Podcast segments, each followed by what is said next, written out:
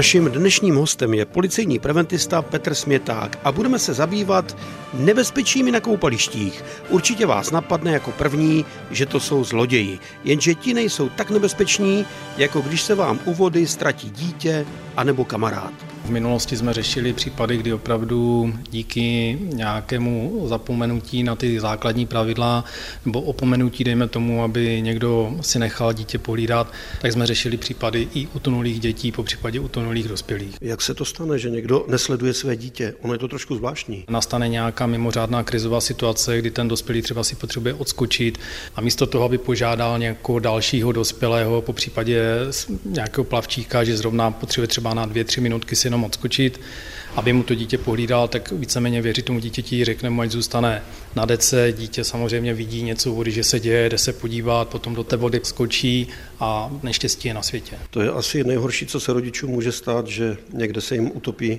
dítě. Teď v této době ty děti hlídají hlavně dědečkové, babičky. Co jim poradit?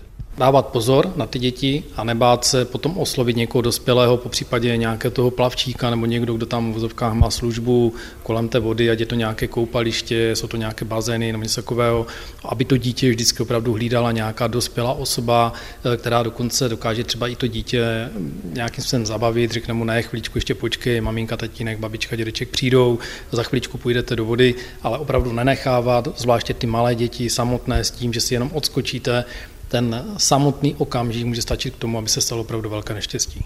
To dítě, když je tam samo a okolo si hrají děti a dospělí jenom tak, tak si někdo nemusí všimnout, že se tam vlastně někdo jakoby topí. Ano, z toho důvodu je právě potřeba toho dohledu té osoby, který si hlídá tu svoji, tu svoji konkrétní osobu, to svoje dítě a vidí, že nastává nějaký problém, že třeba do té vody musí skočit nebo zakřičet nebo nějakým způsobem pomoci. Stává se to i dospělým? Přecení své síly?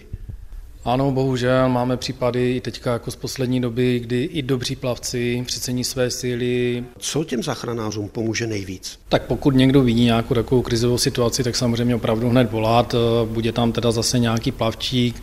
Na určitých přehradách máme policejní lídky, tak opravdu zavolat hned, že se něco takového děje, že vidí nějakého člověka v krizi, může se převrátit nějaký člun, může dojít k nějaké porušení nějakého plavidla nebo něco takového, může se potápět.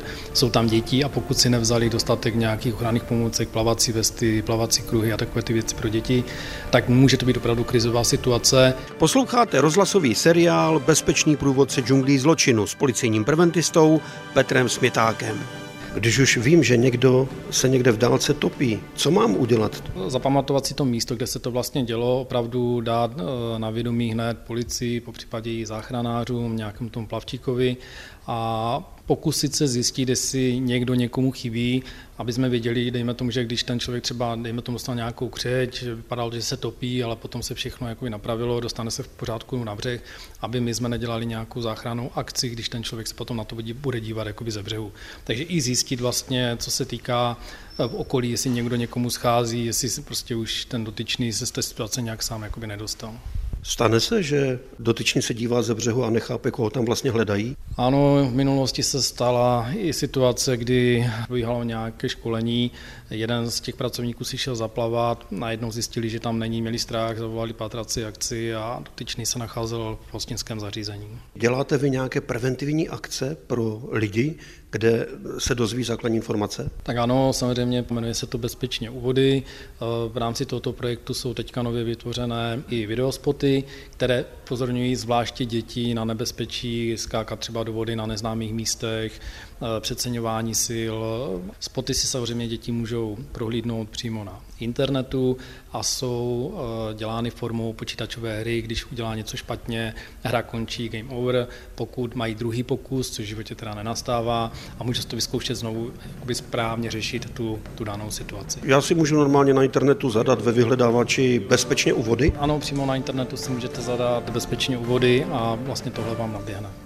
Bezpečný průvodce džunglí zločinu. Každý pátek po 15. hodině a každý čtvrtek v 18 hodin a 45 minut na vlnách Českého rozhlasu Ostrava.